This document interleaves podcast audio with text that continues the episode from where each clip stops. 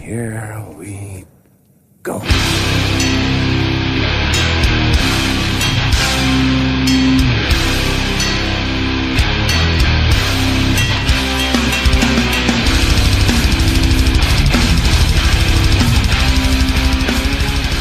Jajamän! Avsnitt 78 av Nere på Noll Podcast. Eh, Jag, Robin Lindblad, sitter här med David Olsson. Tja. Och Danne Nätterdal. Mest energi i rummet som vanligt. Idag ska vi snacka om augustibuller. Vi har en prominent gäst i studion som kommer dansa in här lite senare och bena ut allt ifrån festivalens uppkomst till roliga historier kring de olika banden. Uppgång Ja. och fall. Uppgång och fall kan man verkligen säga. Eh, men eh, först som vanligt så kommer vi dunka igång med feedback på, på förra avsnittet som vi kallade för eh, punk, black met, punk i black metal helt enkelt. Det kom in extremt mycket kommentarer vilket vi tycker är skitkul. Jag kan börja direkt med en från Anders Lundin som säger icke punkrelaterat men ändå. Amon Amarth ligger på Metal Blade och har aldrig legat på extremhögerbolag vad jag vet. Däremot ja, men det, var ju, det var en bootleg, såg jag sen. Ah, okej, okej. Unofficial. För jag såg att du... Men det är ju fortfarande ett jävla pissband. Ja, alltså, eh, jag tycker att eh, det finns vissa bra grejer där. Alltså, tyvärr, jag kan inte hålla med dig där. Eh, Någon av dem bor i Örebro tror jag. jaha. Som är med i bandet. Ja, jag vet att de spelade in eh, deras skiva från 2006 eller 2007 utanför Örebro någonstans. I någon legendarisk studio. Cry of the Blackbirds är med på den i alla fall. Eh, han, han, Anders avslutar i alla fall med att däremot har det väl gått rykten genom åren om lite skö, osköna kopplingar åt det hållet med i alla fall någon eller ett par medlemmar i bandet. Då så, ingen rök utan eld. Exakt. Hammaren skriver “Kolla upp Funeral Mist, Tatum Blood, Mgla, Offermod, Malign, Nefandus, Necrophobic, Nifelheim, Antaeus, Deathspell Omega och Sarkofago”. Eh, och det där sistnämnda bandet hakar även Vinny på med att säga hylla plattan Inri. Eh, den kommer lite senare, 1987 skriver han, men har varit väldigt influentiell eh, platta både ljudmässigt och gällande estetiken. Eh, jag tror att deras trummis var en viktig figur för den som eh, utvecklade black metal-trummandet ett par år senare.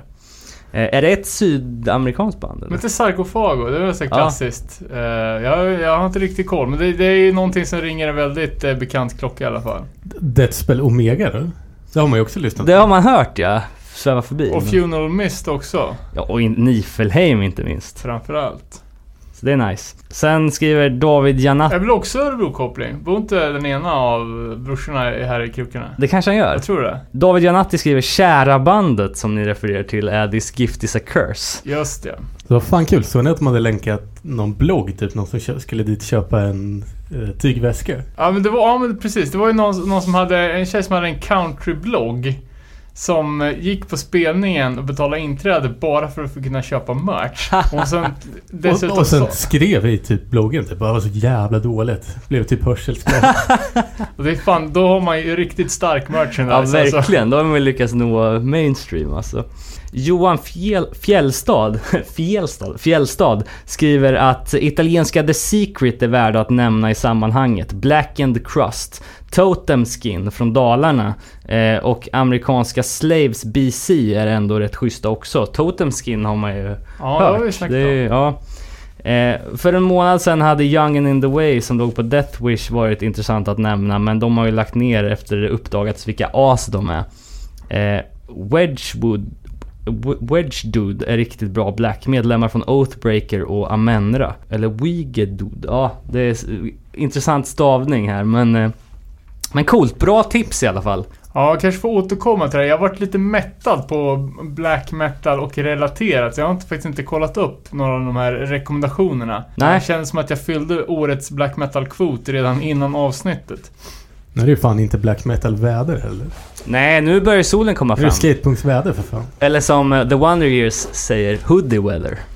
Eh, såg ni att eh, Pennywise annonserat ny? Ja, eh, lyssna på första låten också. Fy fan, det är ju sommar redan nu Verkligen. Den var fan ganska bra ju. Alltså. Ja, bra, kul. tillbaks med stil måste man ju ändå säga.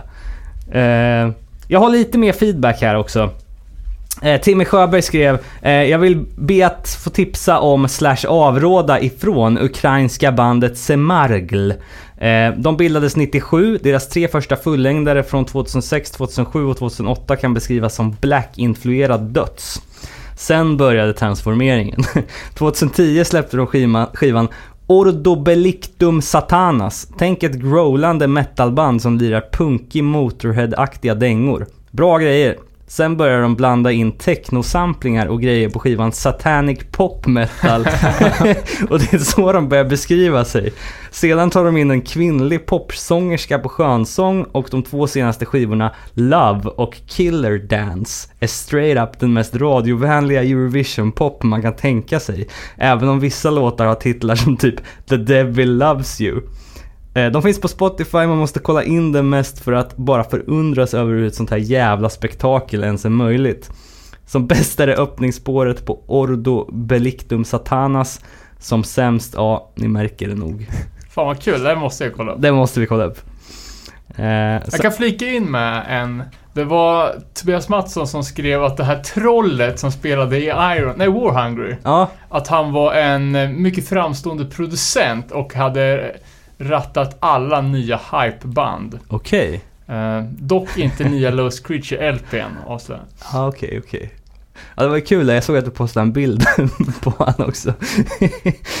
ja, eh, Jens skriver, för den som vill ha mer Black and Crust så kan jag rekommendera Storm of Sedition, Iskra och Antlers. Kul att Seeds in Barren Fields fick vara med på ett hörn. Vi spelar just nu in en ny EP. Mäkt. Sen skriver Daniel Johansson, och det här första bandet är ju bara för jävla kul. Vattnet viskar, Liturgu och Panopticon är tre band slash projekt som på vitt skilda sätt gör något nytt och originellt influerat av black metal. Så det, kan- det är ju- ska vi ta och kolla upp. Sen säger Fredrik Stenholm också att basisten Martin Erik Ein från Celtic Frost dog nyligen. Ja, men jag hade någonting på, på känn där. Eh, rest in peace. Eh, avslutningsvis då så skriver Tor eh, Sagan om ringen verkar vara en generell inspiration för nazister med olika identitärer som tar det till sitt ideolo- ideologiska uppvaknande. Och jag tror att Varg nu heter Christian igen och har blivit någon sorts fransk Europavurmare. Och homofobin bara stinker ju Abraham klent. eh, Mark eh, eh, skriker om The Secret och eh, Manne Paulsson avslutar ju med det som vi la upp på vår Instagram också, det här eh, sköna Bursum-smörkniven som, eh, som någon härlig snubbe har Någon härlig mellanklassare alltså, gjort. Eh, sen fick vi en del mail också. Eh, Joel Mogren skrev eh, angående HC och black metal i senaste avsnittet så tycker jag att ni missade till exempel Breach-medlemmen Niklas eh, Quintanas projekt Terra Tenebrosa. Eh, underbart mörkt och eget sound med såväl HC som BM-vibbar. Alltså bandet heter Terra Tenebrosa. Är det något som ni har hört någon gång eller? Ja, men det vill säga... Eh, hela den här stan, alltså alla det gamla gardet, så även Joel. Första generationens Örebro Hardcore-snubbar och tjejer var ju alla helt jävla besatta i Breach. Mhm. Alla utom jag. Så alla Breach-sidoprojekt och så här B-sidor och sånt där har ju nagelfarits till döds. Eh, men jag, jag har fan inte kollat upp det där. Men jag känner till det mycket väl. Daniel Johansson skrev också Tack för ett bra avsnitt om black metal. Skulle bara vilja tipsa om att norska Ont Blod precis släppt ett nytt album. Mer poppunkig och tyvärr lite mindre HC än tidigare släpp. Man undrar ju om det är en tribute till eh, Mörk Grynings gamla dänga. Alla Ill Blood. Så kan det vara också. Men det var ingen black metal alltså? Jag tror inte det. Keyyo Lach skrev också på Lack, Lach, eh, skrev också på FB. Ville tipsa som uppföljning på black metal-avsnittet om Black and Crust-bandet Young and in the Way. Ja, vi, vi hörde ju att, eh, att de inte var så bra folk. Eh, han skrev eh, i alla fall att senaste plattan från 2014 är tung som fan samt även kolla in Stockholmsbandet The Ugly. Som tidigt körde black metal-punk. Eh, senaste plattan från i år var dock väldigt standard black metal. Och den han pratar om då är The Uglys skiva Thantology som kom i år då. De har ju tidigare gjort en då som är lite mer punk black metal som heter Slaves to the, Decay. Det var mycket feedback Skitkul, men jävligt verkligen. kul att läsa. Eh, så det, det tackar vi för och tar emot. Eh, är det någon som har någon mer feedback eller har vi något hänt i veckan utöver Pennywise? Eh, ja, men ganska många punkter under Hä- Hänt i veckan. Tyvärr har jag gått ifrån mina anteckningar så jag får dra det, dra det lite ur bakfickan. Först och främst, kanske mest angeläget, är ju att Alive and Well Fest är tillbaka. Annonserad 19 maj. Ny lokal. Mm. Café 44. Jävligt fett. Eh, legendariskt spelställe. Eh, ganska kul lineup också. Eh, headline får man väl gissa är Unified Right. Svängigt Florida-band som... Eh, eh, ja, de släppte ju en jävligt kritikerrosad eh, fullängdare förra, förra året. Mm. If I can't listen to Unified Right in Heaven. Typ, Please let me go to hell. Just det. The Flex också som nyligen släppte en jävligt hypad Flexual Healing. Nummer sju. Ja. Eh, ja, precis. Och The Flex är ju jävligt bra. Det enda problemet med det gänget är ju att de gör, gör för mycket grejer. mm. Det här var ju räknat till elfte släppet på Assen 2006. Jävlar. Och det är helt omöjligt att hålla, alltså... Det är ju ganska klapp-klapp old school hardcore. Och det går ju inte att skilja låtarna åt varandra. De får sluta släppa så mycket grejer. Helst skulle de ju dra tillbaka typ tre, fyra grejer och bara makulera mastertapesen. Just det. Så man hinner med. Eh, sen var det tyska Spirit Crusher, har jag faktiskt inte lyssnat på. Eh, men det är ju sånt där namn som, som ofta figurerar. Och eh, High Power. Eh, hypeband från England. Eh, sen var det ju en, eh, tycker jag, en jävligt bra representation av svenska band i de olika genrerna. Youth Crew i form av Give Today. Eh, typ Stomp Old School i form av Screw. Beatdown, No Saving Grace. Och lite såhär... Eh, progressiv New Hardcore. Eller numera metal som de teasade om här när vi pratade om det. Just det. Eh, eh, från Existence då. Sen hade vi Pipe Dream också. Eh, inte hört- Nytt. Ja. Eh, ja, får se vad, vad det kan vara. Någon breakdown worship kanske. Svenskt eller? Ja, eh, jag tror det i alla fall. Så vet du vad, orkar vi gå in på The Sound of Revolution line-upen som också är släppt? Den tysk, eller holländska festivalen. Ja, men det kan vi väl göra. Alltså den är ju ändå värd att nämna. Jag menar, de fortsätter ju samma stil här som, som förra året. Eh, med liksom att annonsera vad som man skulle väl kunna jämföra med eh, Europas svar på This is Hardcore egentligen. Ja, men absolut. Eh, alltså högst upp då så har vi Suicidal Tendencies. Inte så fräscht i dagsläget. men ja, eh, följt av Life of Agony, eh, Gorilla Biscuits, Agnostic Front, Propagandi och Perkele. Spontant något av de banden som attraherar. Nej, det är jävligt, jävligt udda att, eh, att uh, Göteborgs punksen Perkele har snubblat in på, snudd på headline alltså. Ja, verkligen. Och jag menar, Propagandi, hur ofta har man chans att se dem i Europa? Det är inte så jävla ofta. Så det kan ju bli jävligt kul. Eh, ser även några personliga highlights här. då. Underdog. Mm. eh, New York skatande hardcorebandet. Uh, magiskt bra. Uh, fan inte spelat någonting i Europa vad jag har lagt märke till i alla fall. Sworn Enemy tillbaka. Mm. Exklusivt gig med Earth Crisis. Mushmouth. Just det. Kul som fan. Eh, tra- Trail of Lies Åh, såg jag. De släppte ju ja. War här för inte alls länge sedan som är asgrym. Uh, Syracuse, back on the map. Uh, Regulate, som är jävligt bra. Mm. Uh, jag vet inte fan var, varför folk hade någonting emot dem. Så man får hoppas att de inte är helt jävla slut i huvudet. som de flesta andra band verkar vara. Uh, och sen både Templars och Shipwrecked. Och, Och Sainthood. Saint Hood också ja. Det är ju jävligt kul med ytterligare nordisk representation här. Ja, Ja. Pl- Plus more to be announced. just det. Fan, det är mycket band alltså. Ja, det är sjukt mycket. Eh, och Beowulf också, från Venice Beach. Eh, Jag vet inte fan om de, Det är ju uppdaterat nu till två dagar. Och man får ju hoppas att de har bytt venue. För alltså den, den stora snackisen efter första upplagan av Sun Revolution var ju att det typ inte gick att se någon. Nej, exakt.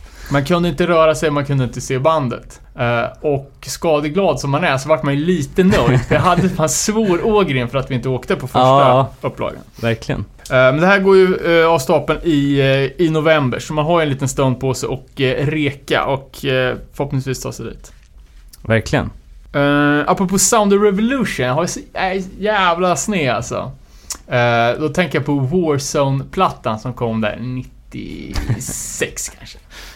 En absolut favorit. Och glad i hågen så såg jag att Testpress hade dansat upp på Discogs.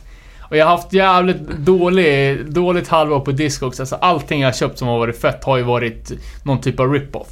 Eh, senast var det när, när jag eh, köpte den sjukt svåråtkomliga första pressen på Reagan Youth 12 Och säljaren... Men fick den lätt tillgängliga?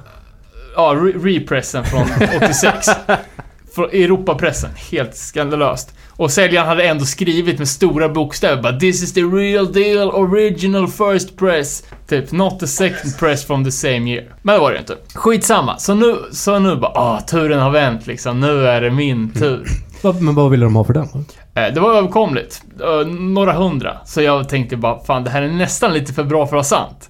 Men jag har haft sån jävla otur nu på sista tiden. I alla fall i de här sammanhangen. Så jag bara lägger en order och eh, skriver in då bara. Bara för att dubbelkolla här nu.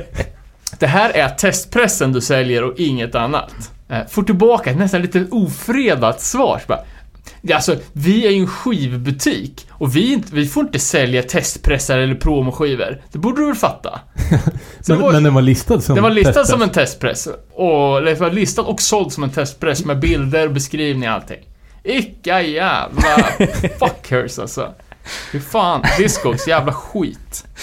Så vad, vad var det för säljare då som du nu har chans att varna alla Ah, jag ifrån? kommer fan inte ihåg alltså. Nej tyvärr, jag- kommer inte ihåg. Det var en... Men kunde du cancella den? Ja, Cancella? ja. Men vad fan, man blir så jävla lack. Segt. Hade i och för sig redan den testpressen, så att det var inget problem. Men det hade ju varit gött att ha en i, i, i bytessyfte. Just det. Finns inte det som picture disc också? Nej, det är Fight for Justice som kom som picture disc. Fan, världens sämsta formaten. Ja, visst är det. Åh, fan, jag såg ni... Men Mass Worship hade ju... Ja, fan. Det är väl deras första släpp nu då, efter namnbytet. Ja, precis. Eh, jävla osmidigt att välja formatet Picture 7 alltså.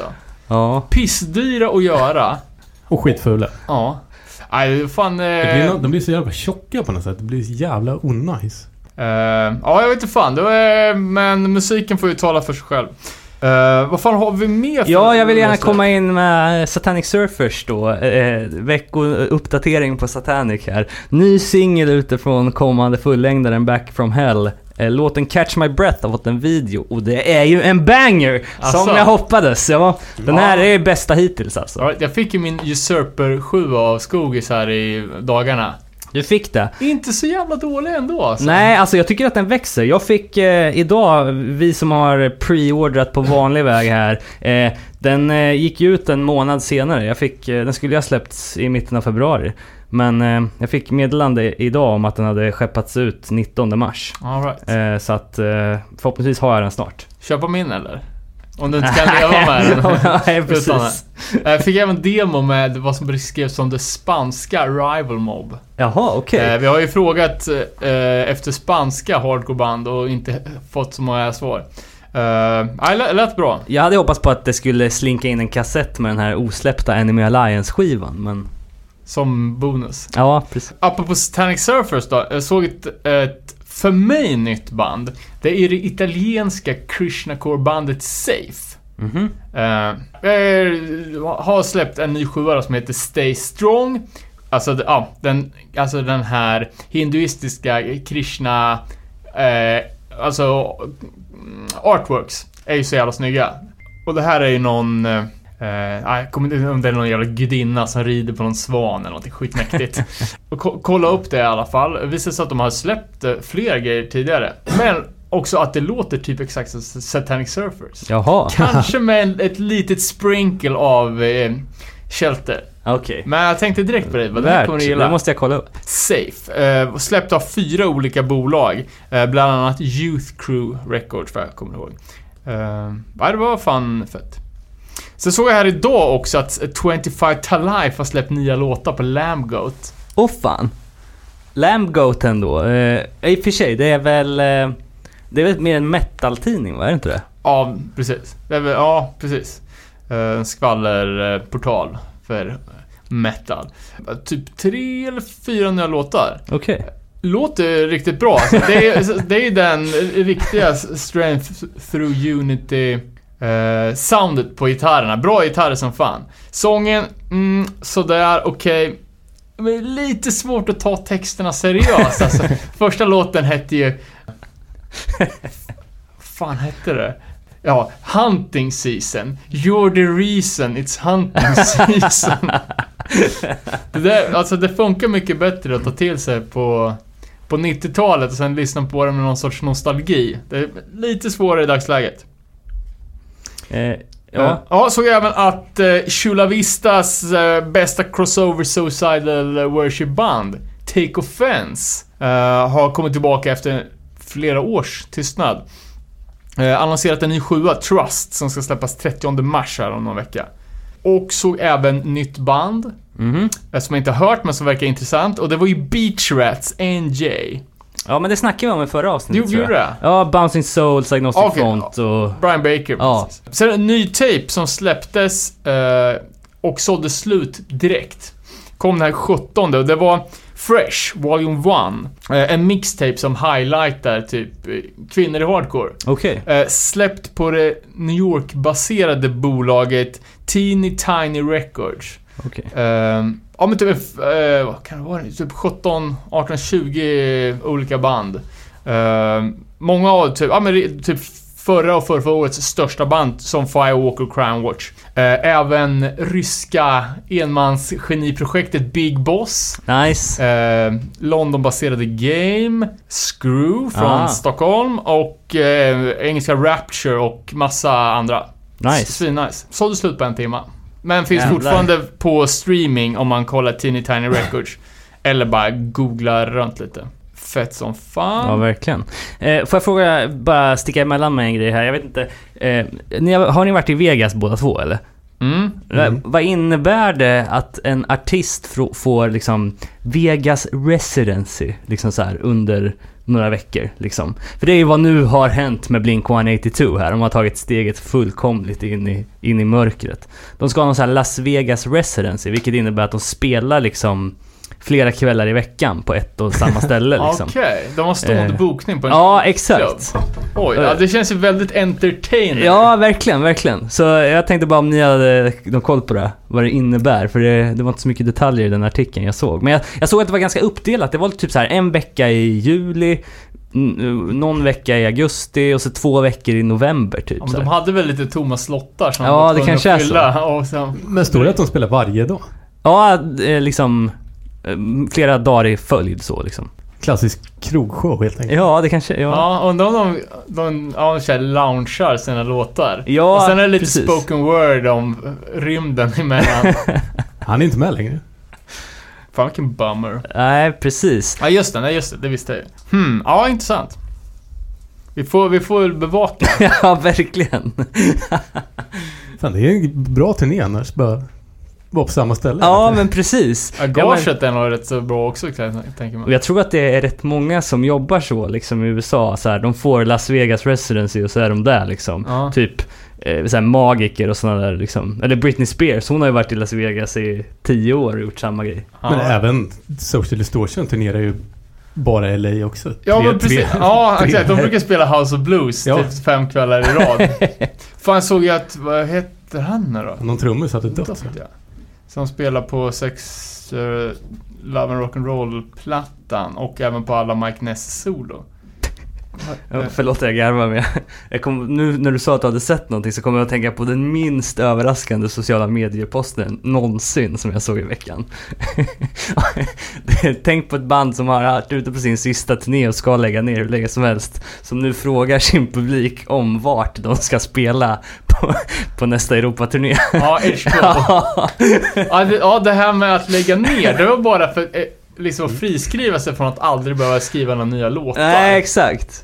Ja, det, är fan, det, det, det här börjar ju bli lite, lite väl tragikomiskt det här bandet. Tyvärr, för de är ju jävligt bra egentligen. Ja, verkligen. Men det är bara att de gör, de gör verkligen sitt yttersta för att man ska sluta gilla dem. Istället för att gå ut som... eh, Gå ut när de är på topp så vill de verkligen bara rasera sin historik. Sen så ska vi också nämna att eh, nästa helg, nämligen den 30 mars till den 2 april, så är det Dead Rhythm Easterfest i Stockholm. Eh, Det kommer gå av stapeln på Kraken. Eh, Det ligger ju i anslutning till Globen kan man säga. Några hus... Heter det inte Kraken? Kraken? Ja. Nej, jag vet inte. Ja, kraken, kraken. Alltså jag vet inte. Eh, eh, men hur som Jag- Jag är helst. på kraken. Jag säger Rökerigatan 1D, funkar det bättre? I Stockholm. Eh, och det är ju en riktigt jävla dunder-lineup här. Vi snackar Infest, vi snackar Citizens Arrest, eh, vi, Mäktigt. vi snackar Impalers, Foreseen, Svenska Screw. Alltså det är riktigt mycket bra skit alltså. Det Ja, fanns väl några plåtar kvar? det tror jag. Jag hade ju prediktat att det här skulle vara slutsålt redan i december. Eh, Men fåtal hel, helpaket fanns kvar såg jag. Ja, exakt. Biljetterna kostar 750 spänn för tre dagar. Det är jävligt bra. Och, Sen skulle ju Exit Order hade ju ställt in, så nu väntas det ju någon sorts fläskig ersättare som de kommer gå ut med inom kort. Fett. Ehm, ja, fan lite avis att jag inte kan åka dit. Ja, Nej, men det ser vi fram emot. Vi får köpa om de har någon bra Citizens Arrest merch åt mig. Sen så eh, ska vi väl också säga att eh, vi, eh, vi önskar dig lycka till i staterna här med skivhandlandet. Du kommer ju vara borta här några veckor nu. Ja, tack. Eh, så Betala övervikt på vägen hem. ja, exakt. Så eh, jag och David får hålla ställningarna här om två veckor igen. Eh, men innan vi går in på vårt huvudtema Augusti Buller ska vi bara droppa nya No Fun at All-låten som heter Fourth. Eh, det är andra singeln från kommande plattan Grit. Riktig jävla banger alltså. Ja, det lät fan svingött. Fan, tråkigt att den senaste Mimikry-plattan som kom förra året också heter Grit. Det är liksom Ja, inget fan. band man vill bli ihopblandad Fan, med. kan Mimikry vara ett band fortfarande? Ja, Ja, du vet. men- De är säkert, ja men. De är svinstora och äh, släpper på Birdnest och härjar. Kilt-faktor 2000 på den. Ja, skaplig. Men, ja, men det kommer vi snacka lite om idag också. De var ju flitiga på Augusti Buller. Ja. Back in the day. Så. Men eh, vi eldar igång No Fun Roll med låten Fourth.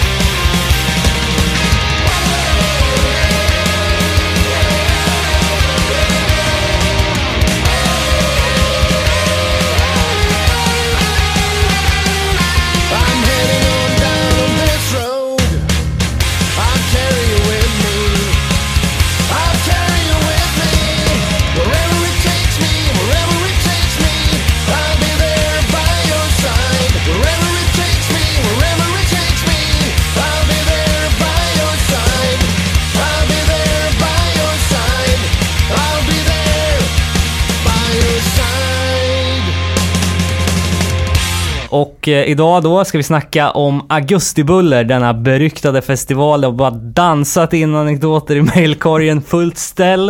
Eh, men vi ska börja med att prata lite bakgrund och till detta ändamål då så har vi celebert besök i studion här av Marcus Israelsson. Välkommen! Tack så mycket.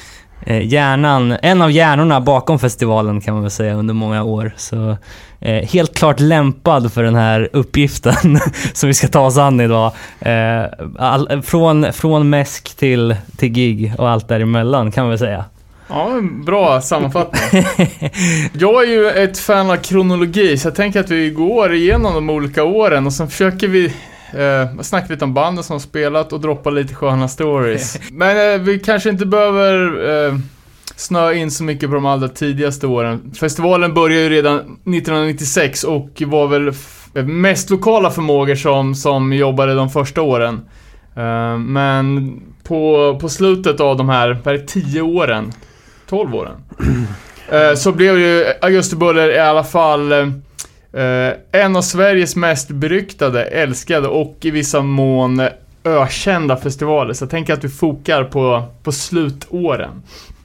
Vi måste i alla fall gå igenom hur det en gång började. Eh, Så frågan går till dig Marcus, hur liksom, vad hade ni för tankar kring den här festivalen och eh, ja, med målsättningar och lite, lite sådana grejer?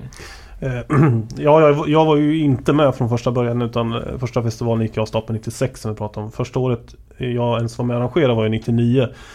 Eh, men på 90-talet så hade ju Linde hade ju ett ganska livligt musikliv med mycket spelningar och mycket band och, och sådär. Så att, och, och det gick ofta flera bussar från bara Linde ner till Hultsfred. Så att det var ju många som åkte ner till den där festivalen och, och söp. Och sen var det väl någon som söp på vägen hem och, och kom fram till att vi skulle ha en festival i Linde också. Eh, Jobbigt att åka och supa.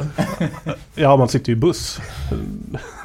Så då, då tog de väl bara eh, tag i det och, och fixade det helt enkelt. Det var väl någon som slängde upp några lastpallar uppe på, eh, på Kyrkberget och körde. Det var lokala band från, från Musikhuset och eh, enligt eh, sägen så, så kommer väl namnet bara av att det var ju helt enkelt augusti och det skulle ju låta så att det blev augustibuller.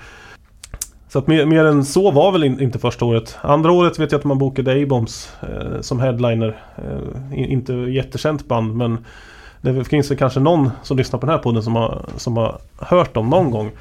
Eh, 98 började väl ta tag lite, lite mer och man bokade in lite större band.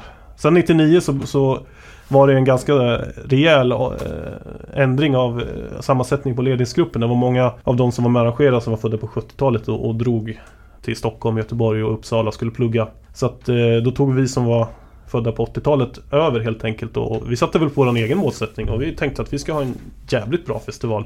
Och vi gillar ju punk, de flesta av oss. Så att vi, vi började boka på lite grejer. Hade vi egentligen ingen koll alls på hur man gjorde utan vi bara ringde lite. Frågade, vill ni spela? Var på någon spelning i Örebro och gick och frågade någon band. Ja, det, det är väl klart att de ville det liksom. Så, men sen skulle man ju ha, ha finansiering för det också. Men det, det löste vi ju. Ja, men Efterhand. precis, för att det var ju gratis de första åren. Ja, 90, 96 till, till och med 2000 var det gratis. Eh, fick väl en del pengar från kommunen och, från pizzerior och Lisas parfym och allt vad det var som, som sponsrade. Lisas parfym var, tror jag sponsrade varenda år fram till, till 2007 faktiskt. Det var en riktigt bra sponsor. Jag tror inte hon har sponsrat mer än 5000 totalt. Men, Det är jävligt absurt att tänka på att Augustibuller är sponsrat av en parfymbutik. ja, men du vet det var många som luktade illa där nere som är fräscha upp sig på vägen hem. Ja, jo. Ja, men har du några liksom minnesvärda grejer från från det, från det gamla stället, du sa att du började på, på kyrkbacken i, Kyrkberget. i berget i en gammal folkpark. Eh, Ja, det, det låg en gammal, gammal folkpark där uppe som... Alltså det var ju egentligen ingenting kvar av folkparken. Det var bara en liten äng eh, kvar och sen var det en tennishall där uppe. Men eh, absolut hände det ju... Det händer ju alltid mest roliga saker i början för då har man ju noll koll. Vi pratade om det här lite innan, eh, det här med, med scenen 99 som inte riktigt hade något tak. Eh, och det, det stämmer mycket bra att det ryktet, eller ryktet är ju sanning, folk har ju sett det. Men Ja, att, att det byggdes en, en scen om byggställning och att det, var, att det tog lite längre tid än planerat. Så taket hann liksom inte med att göra. ja, ja. Eh, och att man körde i alla fall och hoppades bara på att det inte skulle regna. Mhm. ja men det gick ju bra. Men, men det var camping och sånt. Nej, på den här tiden? inte 99. För, första året vi körde camping var, var 2000. Eh, och då, då gjorde vi det här smarta draget och vi bara hänvisade till allemansrätten och tänkte det går ju bra. Men det, det kan man ju inte riktigt göra. Fick vi reda på eh, någon dag innan festivalen. Så att eh, det fick vi väl eh, lösa då. Vi hade ju varken bajamajor eller, eller belysning på den campingen. Jag tänkte det är ju sommar, vad fan. Eh, folk kan väl eh, blunda när det är mörkt. Det var ju tvär, tvärmörkt och folk sk- sket inne i skogen och eh, stod ju någon gammal sån här kägelbana där eh, som höll på att brinna upp men den, den klarade sig precis.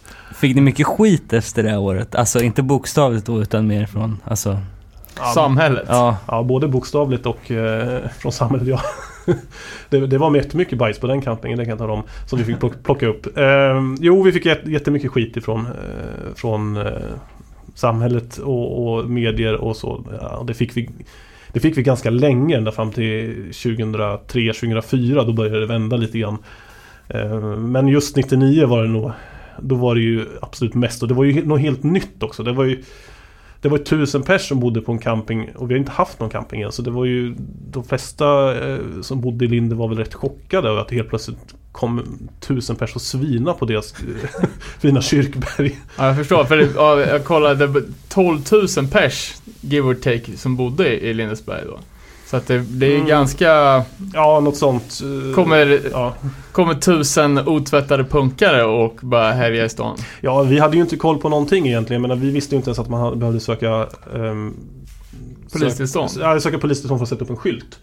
Eh, vi hade ju eh, målat en egen skylt som vi satt, pekade upp mot kyrkberget och skrev Augusti Bulle på. Sen, den satt väl upp i 30 minuter någonting. Sen kom snuten upp med den och sa att sådana här får ni inte sätta upp hur som helst. Och de har fått göra sina egna vägmärken alltså. Nej, det får man inte göra. Eh, så den, den fick vi plocka ner. Vilket gjorde att det var ganska stor förvirring av, de som skulle till festivalen som inte riktigt hittade dit och så. Gjorde ju inte jättemycket eftersom vi inte sålde några biljetter. Så där fick ju, det är svårt att reklamera något som är gratis men eh, Men det var ju Man lär, man lär sig mycket efterhand på, på sådana saker. Så att det totalt kaos 99. Det Kanske lite mer kontrollerat 2000 fast då hade vi ju en camping som var totalt kaos. Så att jag tror inte kaoset la sig förrän kanske 2002-2003 någon gång. 299 då flyttade det till det andra stället. Eller 2000. Ja, nej, 2000 var jag uppe på Kyrkberget fortfarande. Och då hade vi camping på andra sidan Kyrkberget. Så där som vette mot stan då. Eh, Där man ska tänka på att det här Kyrkberget låg ju mitt i ett, i ett villområde också. Så det, var, det var inte... Det var inte kanske det, den mest ideala platsen så att hålla en festival på. Eh, Men jag tycker ändå att de som bodde där uppe var Tog det bra. Eh, klagade inte jättemycket. Vad pratar vi om i besökarantal? Ja, mellan 1500 och 2000 någonting som var på själva festivalen och sen den, det året vi hade camping där uppe så var det kanske 1000 pers på den. Eh, någonting sånt. Det var svårt att det var svårt att räkna eftersom vi inte hade varken entré eller, eller något annat sätt att räkna på. Det var ju rena uppskattningar. Men år 2000 så var det ändå en ganska schysst lineup. Det var ju mycket eh, ja, men så svenska punkband med Coca-Cola och Kata 77. Eh, men så även eh, eh, Bombshell Rocks och Voice of the Generation. Misconduct säger jag här. Så det måste ju ha varit en eh, ganska bra uppskruvning på, på de bokade banden om man jämför med att det var tidigare var ja, men lokala akter från musikhuset. Ja, absolut. Eh, var det något snack runt om i punk-Sverige att, liksom att det hade kommit upp en ny festivalaktör eller? Ja, kanske inte 2000 men, men runt 2001 började det snackas ganska mycket. Och, och, men, men visst, det, det märktes ju eh, ganska radikalt mellan 99 och 2000 på publiktillströmningen och vilka som faktiskt kom dit. 99 var det ju fortfarande mest eh, Örebro län. Ja. Eh, Och kanske till och med bara norra Örebro län som, som var där. Men 2000 så kom det från hela landet. Så det, det var ju en... Där ändrades ju extremt mycket. Men det fanns väl ingen annan punkfestival heller? Det gjorde nog inte det. Eh, jo, det var mera hitlåtar i Haninge. Åkte vi på ett par, par gånger vet jag. De, de körde ju lite samma, eh, samma koncept där. Eh, Ja, och Bergslagsrocken körde ju sista gången 96. mm, Eh, så det fanns ju ett ganska stort glapp att fylla. mm, det var ju många som trodde att, att Augusti Buller var någon typ av fortsättning på Bergslagsrocken. På grund av att eh, det låg så nära varandra och, så och bokade ungefär samma, samma band. Så, så det, var, det var ett rykte som gick ganska länge. Men det kan jag, det kan jag bestämt eh, dementera. Att det, det var, hade ingenting med varandra att göra. Men var inte, det, var inte festivalen jävligt populärt? Det, Hultsfred var ju fan svinstort då.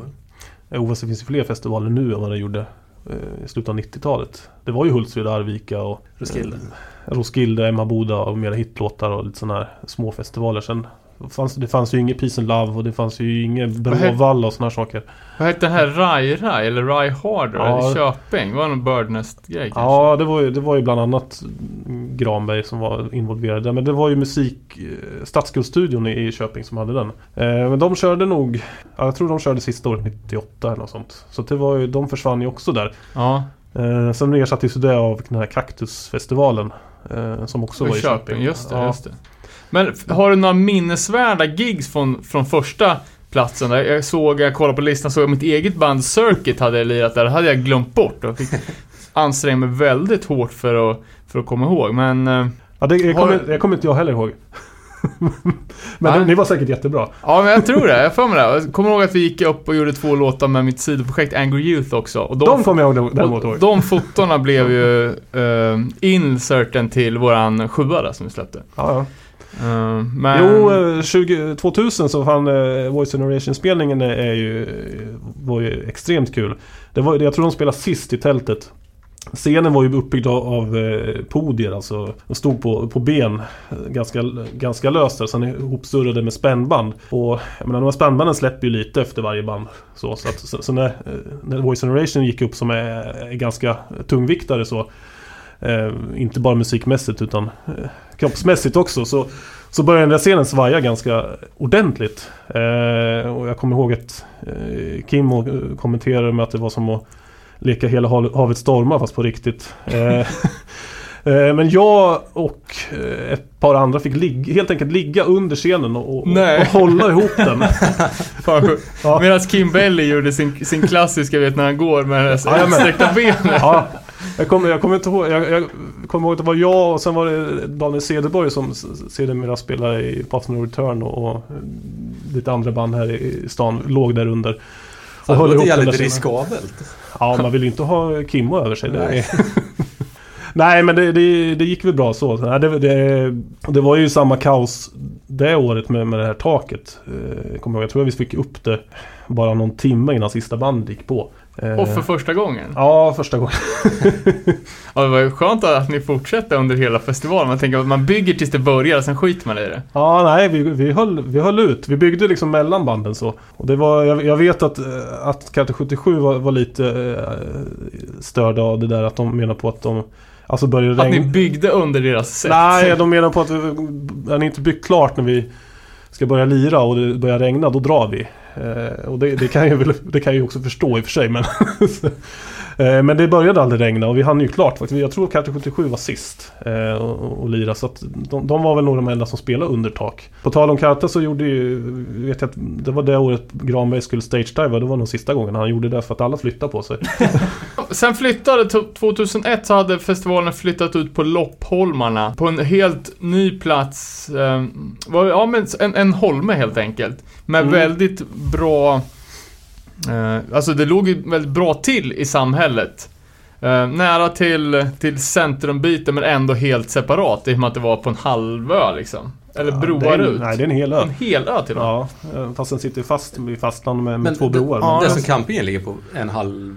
Nej, det, Det är är, inte ens en ö. det är fastland. Ja, nej men det är ju ett fantastiskt läge och det var... Där ska vi fan inte ta någon cred alls för att vi, vi ens flyttade dit. För det var kulturchefen i, i Lindesberg, Anders Brännström, eh, som, som för övrigt har, har varit en stor del till eh, Augusti Bullers utveckling. Eh, det var han som föreslog att vi skulle flytta dit. Eh, för de hade haft lite fester där nere innan och han tyckte att det var schysst område. Vi var, vi var väldigt mot det från första början och tyckte att nej, men sen ju mer man gick där ner och, och, och titta och fundera och sen började det här komma upp med att vi, man kanske skulle ta betalt och så här. Det är ju ganska lätt att hänga in det där området. Det är ju bara att sätta en grind vid bron och sen... Ja, ja men det är li- lite också att ge sig ut på, på liksom tunn is i och med att det krävs ju att det kommer jävligt mycket mer folk för att det inte ska bli glest. Mm. Ja, absolut. Jag tror det, vi hade tillstånd att ta in eh, 10 000 på alltså Oh, festivalområdet. jävlar. Ja. Eh, så om man bara hade haft det helt öppet. Sen spelar ju vi av det så, så då, då sjunker ju kapaciteten lite grann och sådär. Ja, det, det, var, det var en chansning så. Men vi räknade också på det och tänkte fan, kommer det 2000 pers och vi kan ta 100 spänn, det är 200 000. Eh, det, det är ju liksom, då får man tänka på att totala budgeten 99 var, eller 2000 var 70 000 kronor. Eh, så tänkte vi, hu- 200 000, fan vi kan ju... Boka Metallica Ja, fan. typ. Eh, ja, men nu var det på, på det området då, som de flesta har varit på och, eh, och vet lite hur det ser ut. Men jag tänkte på, alltså hur lång tid tog det att bygga ihop det här festivalområdet? Eh, för ni gjorde väl allting själva liksom riktigt DIY? För Ja, det, det var inget så här produktionsbolag som kom och byggde och eh, satte upp ljud och ljus och... Nej, inte de första åren. Vi, vi plockade i slutet av, av festivalens tid så plockade vi in självklart ett produktionsbolag annars hade det blivit för mäckigt. Eh, men scenerna byggde vi själva och vi slog upp allt staket och ja, vi gjorde i princip allt själva. Vi hade lite funktionärer och så här. Över något år fick vi några sommarjobbare från kommunen, sådana här 14-åringar som skulle få feriejobb men de tog väl mer tid än vad de tillförde i och för sig. Men det tog väl en två veckor ungefär. Eh, och sen en vecka att riva. Så att vi, man var väl på det där området i, i tre veckor. Och jobbade 20 timmar ungefär per dygn. Eh, försökte sova lite däremellan så här. Eh, det var... Det var kämpigt. Men hur, hur kändes det då? Kändes det som att ni hade något jävligt grymt på gång? Eller var det mer som att, eh, vad fan har vi gett oss in på liksom? Det här De första två, är över huvudet liksom. två veckorna innan festivalen kändes det att som man hade något grymt på gång. Ja. Man stod där och, tömde egengjorda bajslatriner på campingen så tänkte man att fy fan vilken jävla skit. det här gör vi aldrig om. Eh, sen gick det väl två månader, sen började, hade man ju glömt bort det där med, med, med efterarbetet. Så. Men eh, vi, vi kände väl att när vi när det började ticka på med förköpen till, till första året eh, att det hände någonting. Och, så det var kul och sen kom, det kom ju 2800 pers och det var, det var ju mycket mer än vad vi hade räknat med. Vi hade väl en kalkyl på 2000. Vad, sa du att det kostade? En hundring bara? Ja, en hundring. Så det var Det ju är inte... ingenting. Nej, eh, det var inte mycket inkomster heller. Vi, men såklart som uh, ung och dum som man var så hade vi ju räknat totalt fel. Så det, det gick ju backen då. Men, men det, var, det, det var ju... ja, Det var en bra line-up för 100 spänn tycker jag. Ja, så, alltså om vi ska snacka lite om banden som spelar. Bombshell Rocks eh, blev ju lite av festivalens husband. Spelar väl i princip varenda år. Eh, Ja, det är väl en sanning med modifikation. Eh, Men i början, ja. ja, Första, första fem, sex åren spelade de nog fan varje år. Ja, det... Alltså det blev ju lite den här grejen. Alltså, Hultsfred hade ju Sator som husband. Vad fan, vi måste ju också ha något tänkte vi. Och- ja, men det är väl klockrent band eftersom jag tror att det, just Bombshell Rocks är ett sånt där band som går hem i alla, eller liksom i alla kategorier av folk. Det, det gjorde de. Alltså de, de drog ju mycket folk och de kostade ju fan ingenting att boka i början. Så det var ju... Jag tror de fick en 500 första gången. eller någonting. Eh, om, vi, om vi kollar på line-upen för 2001 då. Var det, har vi några favoriter? Jag ser Rövsvett. Ja, eh, Rövsvett är ju alltid bra. Eh, CDOSS eh, personliga favorit. Eh, sådär, i- alltså i alla fall det de gjorde på 90-talet. Sen, sen blev de ju jävligt elektro. Men, eh, Ja men jag, tänk, jag tänkte lite på det, och nu är jag lite partisk efter, från, som jag känner flera i det bandet. Um, Kittan bland annat som, som spelar trummor i CDOSS lirar ju med mig i Prison Riot nu och eh, Peach eh, från, mer känd från Bruket lirar ju också i det här bandet. Så lite partisk är man men jag tycker att de, de, de har ju så ett jävla speciellt sound med sin, ja men, ja, men som du sa, elektro, det är ju liksom ehm, New Wave, Devo, Kraftwerk-grejen. Och precis som är så här supertrendigt just nu, ja men typ som de här Coneheads liksom som har varit årets mest hypade band. När det är så här superflippy uh, synt-musik med gitarrbas liksom. Ja, när, när vi ändå är inne och snöar på CDOSS så kan vi hoppa lite i kronologin här då. De, de spelade, jag tror det var 99 de spelade, eller om det var 2000, när de spelade på fredagen och, och sen tyckte de att det var så kul att spela så de gick och- satte upp egna lappar och stod, skrev på allmän begäran CDOSS spelar också på lördagen. Eh, och folk eh, gick och tittade på de där lapparna så vi var ju så illa tvungna att ställa dem på scen på lördagen också. Fan vad smart. ja. Så tips om det är någon som vill spela två gånger. Eh, ja, vi ser, ser även att vi hade uh, Bombshell Rocks på dagordningen som blev lite av festivalens husband. Uh, fan, jag k- kollade upp dem på, på, på Discogs för lite, för lite info alldeles nyligen och såg att de har släppt en mini-CD 96. Som jag inte hade en aning om. Bombshell Rocks? Ja. Två år innan alla de kända grejer. Ja, men bra, bra band att ha som, ha som husband i och med att de går hem i, liksom, i alla läger tycker jag. Eh, vi hardcore kids avgudar ju Bombshire också. Så gjorde ju även streetpunkarna och även, ja men det är så fan, alla gillar ju Bombshire. Ja, men de, de gick ju hem som sagt överallt. Och det, fan, de bodde i Västerås så de hade inte långt att åka heller. Så de, de var ju lätta att boka sådär på det sättet. Och jag tror inte de fick mycket betalt heller de första åren. Eh, Men det, och sen hade ju ja, Hultsfred hade ju Sator och vi ville ju också ha ett husband så vi körde Bombshell Rocks. Det är bra bokning. Jag, förstår. jag, jag hörde att de hade råkat i beef där med ett annat band på festivalen, nämligen Bad Cash Quartet. Ja, det, det tror jag alla hade en beef med Bad Cash Quartet. Eh, inte att förväxla med Bear Quartet uppifrån Luleå är de va? Nej, det här är ju någon sorts eh, popband eh, från, alltså ja, man såg, jag fattade direkt när jag, tog en googling och förstod vad det här var för typer. Eh, för det var ju, ja men de var ju, var ju från Örgryte och Askim, så här riktiga jävla överklasspoppare. Men är det här indieband alla fall? Ja, jag, jag, jag, jag tror det. Jag är ju, Ja, de såldes in som någon indie-grej där i början på 2000-talet. Och, och, alltså vi hade ju ingen ambition om att vara en punkfestival i första åren. Så, utan vi bokade ju rätt hejvilt eh, bland indiebanden också. Så Backash Quartet när de kom upp på så var det väl eh, bara att boka in där. Men sen visade det sig att de, de hade ju... De hade väl ambition, eller de trodde väl om sig själva att de, att de var... Eh, att de var Oasis och sen, eh, sen var de eh, lokala ett lokalt Göteborgsband helt enkelt och, de kunde inte riktigt leva upp till det. Så de, de blev jävligt dryga. De beefade väl med de flesta på, på den här festivalen. Jag vet att de var klappsur på mig för att det var så jävla svårt att hitta Linde. Och, och, ja, men så stor är inte den stan. Så att Ja, det är ju framförallt inte ditt fel. Alla som har sett filmen Festival också har väl hört Bad Cash Quartets eh, låt Big Day Coming också som de har med i den filmen. Som titelspår. Ja, just det. Det är även Bajsmannen var med. Alltså i, i filmen. Men inte, i, inte på titelspåret tror jag. Var han någonsin på Augusti Bulle? Bajsmannen? Ja, jag tror det. Han var den eh, något år. Annars var han mer frekvent på Arvika och Hultsfred sådär. Bättre bajs där.